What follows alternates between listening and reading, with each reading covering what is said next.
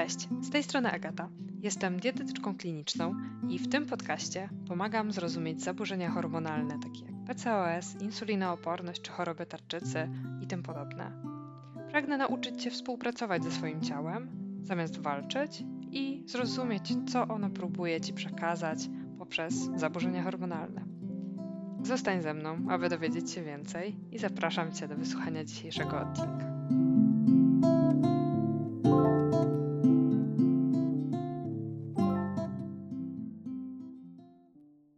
Cześć. W dzisiejszym odcinku porozmawiamy sobie o tym, skąd wiedzieć, czy to, z czym się spotykasz, z czym się borykasz, jakie masz objawy, wskazuje na PCOS. Czy to PCOS w wielkim skrócie. Porozmawiamy sobie o tym, jak diagnozujemy PCOS, jakie są objawy e, tego zaburzenia, o tym, z czym powinniśmy też różnicować PCOS, czyli jakie choroby, zaburzenia należy wykluczyć, żeby tak naprawdę upewnić się w tej diagnozie, no i jakie badania tak naprawdę warto wykonać, żeby właśnie móc wykluczyć inne zaburzenia hormonalne, e, czy też inne zaburzenia, które mogłyby wyglądać tak samo podobnie jak PCOS. Zaczniemy sobie od diagnostyki. E, PCOS najczęściej diagnozujemy na podstawie tak zwanych kryteriów rotterdamskich, e, które już od jakichś 20 lat tak naprawdę e, są, są tutaj obecne jako kryteria diagnostyczne najczęściej stosowane.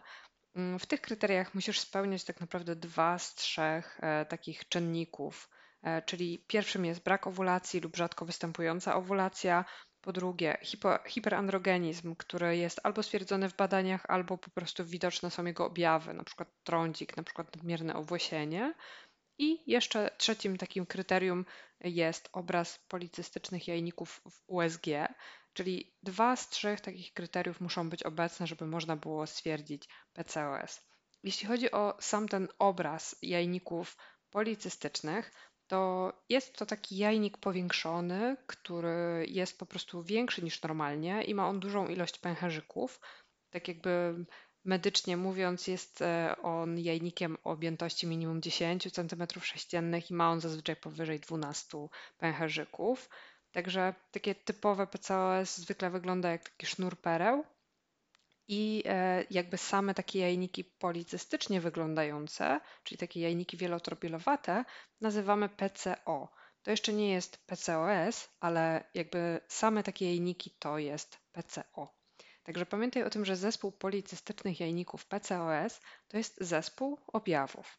Na podstawie samego obrazu jajników policystycznych nie możemy zdiagnozować PCOS.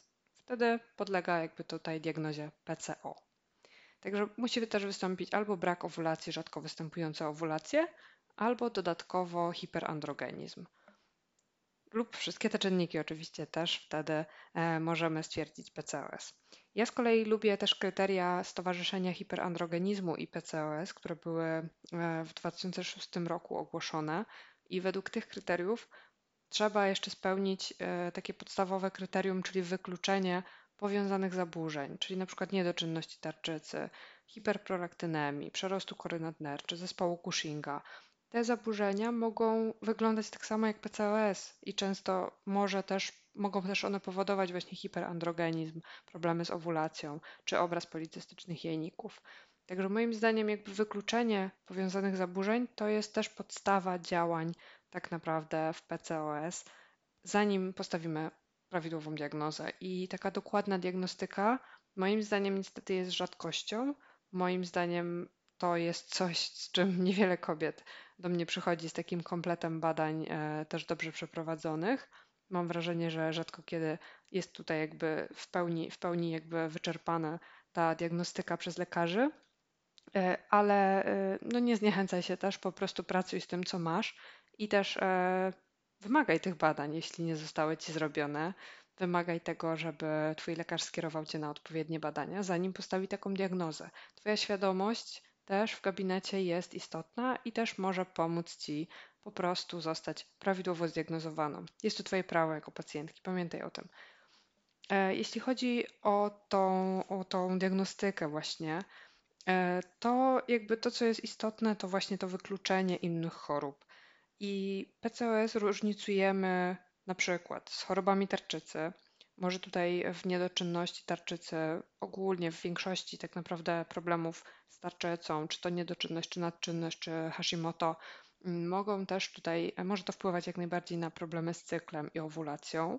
E, guzy przysadki, guzy nadnercze, czy też właśnie mm, problemy takie przerostowe, e, jeśli chodzi o nadnercza, e, choroba Addisona, zespół Cushinga, hiperprolaktynemia.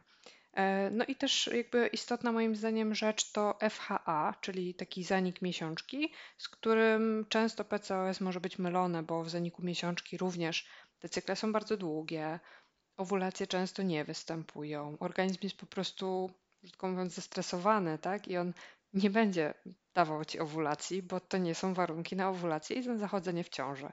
Także w FHA często występują właśnie policystyczne jajniki, często występuje trądzik, objawy takie też związane z hiperandrogenizmem, nawet jeśli czasem te androgeny nie są w FHA w ogóle podwyższone.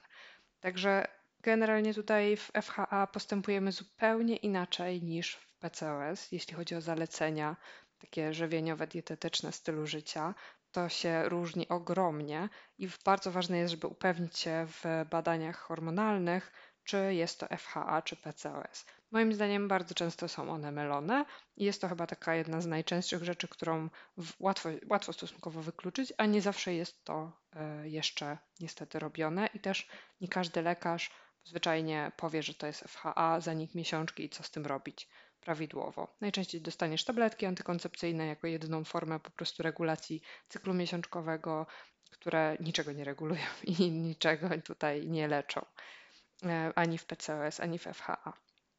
E, no i tak naprawdę, jeśli chodzi o to wykluczenie innych zaburzeń, e, to jakby moim zdaniem warto też pamiętać o błędzie pomiarowym. Na przykład, jeśli chodzi o pomiary prolaktyny, insuliny, kortyzolu, są to takie hormony, które bardzo łatwo jest zaburzyć i które czasem nawet jedna nieprzespana noc, złe przygotowanie do badania może bardzo, bardzo wpłynąć na ich poziom. Więc moim zdaniem, zanim też postawi się taką diagnozę, to warto jest wykonać czasem te badania powtórnie, sprawdzić za 1, 2, 3 cykle, jak wygląda to w kolejnym po prostu cyklu.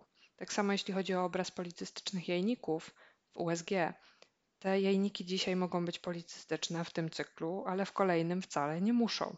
Więc jakby takie jednorazowe spojrzenie na ten jajnik, czy jednorazowe spojrzenie też na te wyniki badań, to jeszcze wcale nie pokazuje, że ten problem jest Twój i będzie przez całe życie z Tobą w takiej formie. ok? Także też zanim tak naprawdę przywiążesz się do jakiejkolwiek łatki diagnozy, pamiętaj o tym, żeby dokładnie to sprawdzić, upewnić się, skontrolować ponownie, czy aby na pewno ten poziom jest taki, a nie inny u Ciebie. Ok? Dobra, to jeśli chodzi o taki wstęp do tematu, to tak naprawdę mamy to, jeśli chodzi o diagnostykę.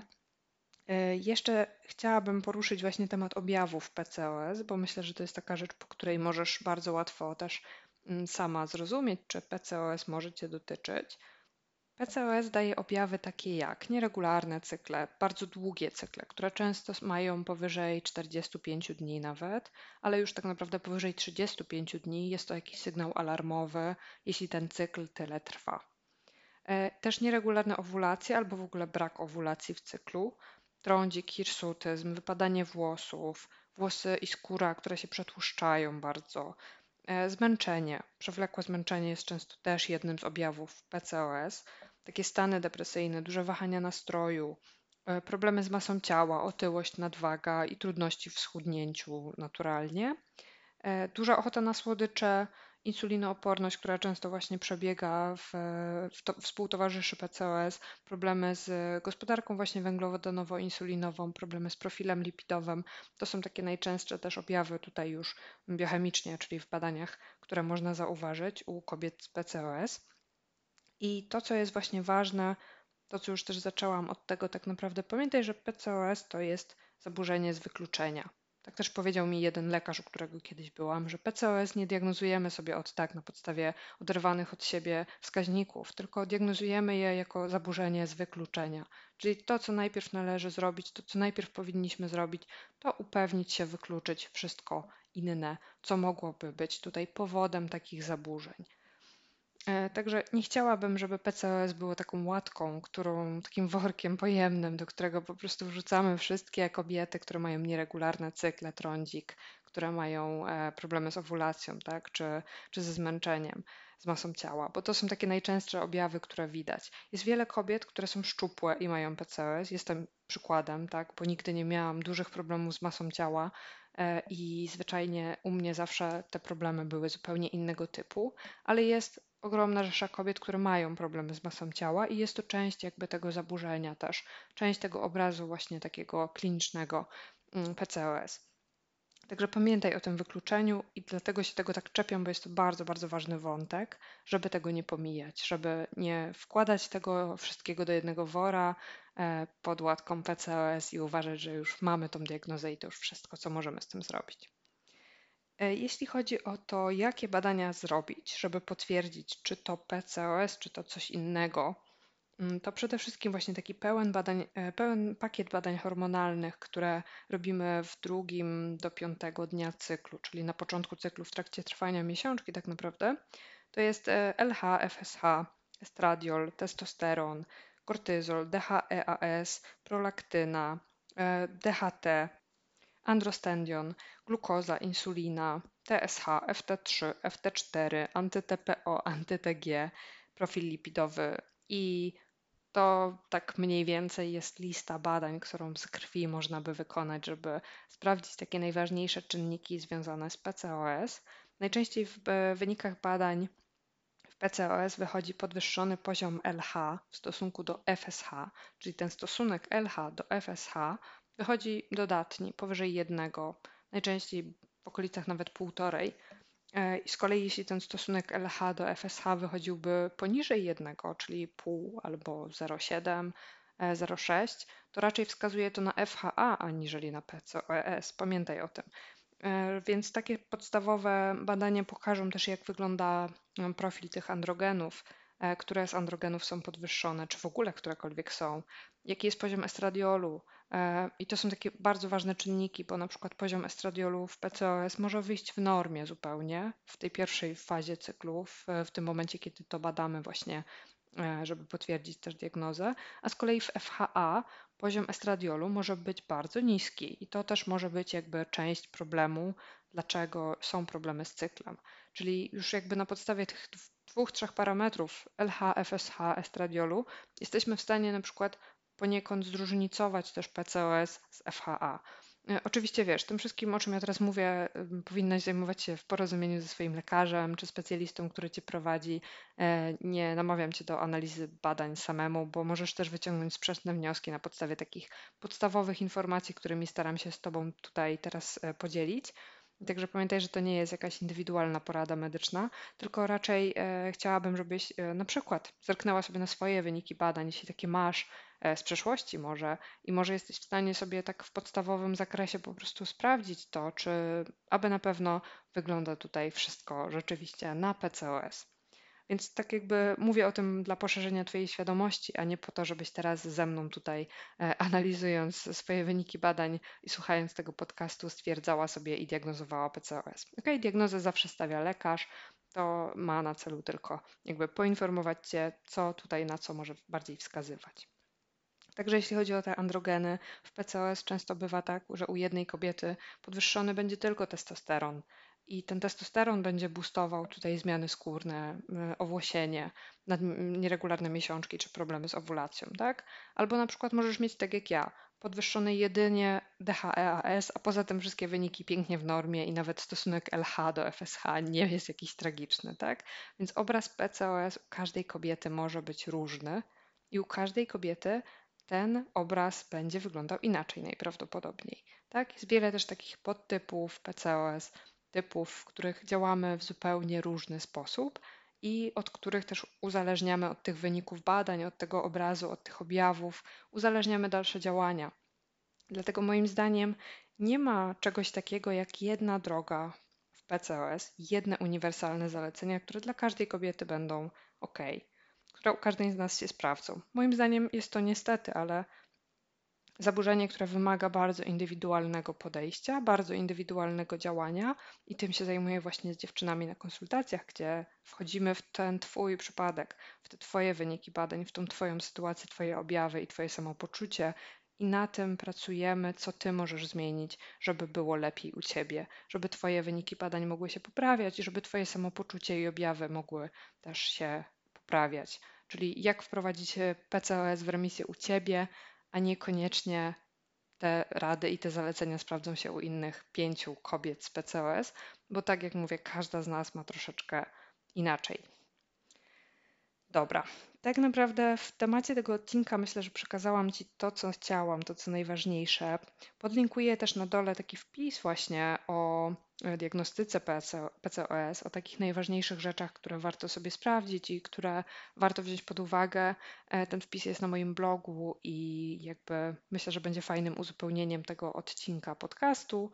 Myślę, że będzie tak fajnie jakby zbierał to w całość. E, także zachęcam Cię, żeby sobie zajrzeć do opisu tego odcinka i do tego wpisu blogowego. Podlinkuję też zapis na listę oczekujących na mój program, na mój kurs, który będzie myślę na jesieni albo zimą tego roku powoli, powoli przymierzam się do tego, żeby e, zapisy na taki kurs e, zacząć gromadzić. Także jeśli byłabyś zainteresowana takim programem szerszym, w którym dowiesz się o tym, czym jest PCOS, jak z tym działać, co robić i poznasz takie zalecenia też w różnych przypadkach e, związanych z PCOS, w różnych, no, na podstawie moich doświadczeń, które też mogę przenieść tak naprawdę w takiej formule grupowej, to zachęcam Cię do tego, żeby zapisać się na taką listę. Jeśli taki program rzeczywiście ujrzy światło dzienne, to w pierwszej kolejności się o nim dowiesz. Będzie to na pewno pomocne dla Ciebie, żeby wyjść z PCOS, żeby wprowadzić PCOS w remisję i żeby po prostu cieszyć się życiem, tak? I nie traktować tej łatki, tej etykietki jako coś, co Cię definiuje i coś, co jest z Tobą do końca życia, bo wcale tak nie musi być i możesz naprawdę tą diagnozę zakopać gdzieś tam głęboko pod ziemią i totalnie żyć normalnie, nie przejmując się tym wszystkim, co, co teraz dzisiaj jest dla ciebie aktualnie największym problemem. Pamiętaj o tym, że z tego da się wyjść, że z PCOS pięknie da się pracować i da się naprawdę wiele zrobić. Także zachęcam Cię do tego, żeby tutaj pozostać ze mną w kontakcie i mam nadzieję do usłyszenia. Mam nadzieję, że do zobaczenia też w programie. Dobra, dzięki za wysłuchanie tego odcinka. Trzymaj się ciepło. Mam nadzieję, że do następnego. Cześć.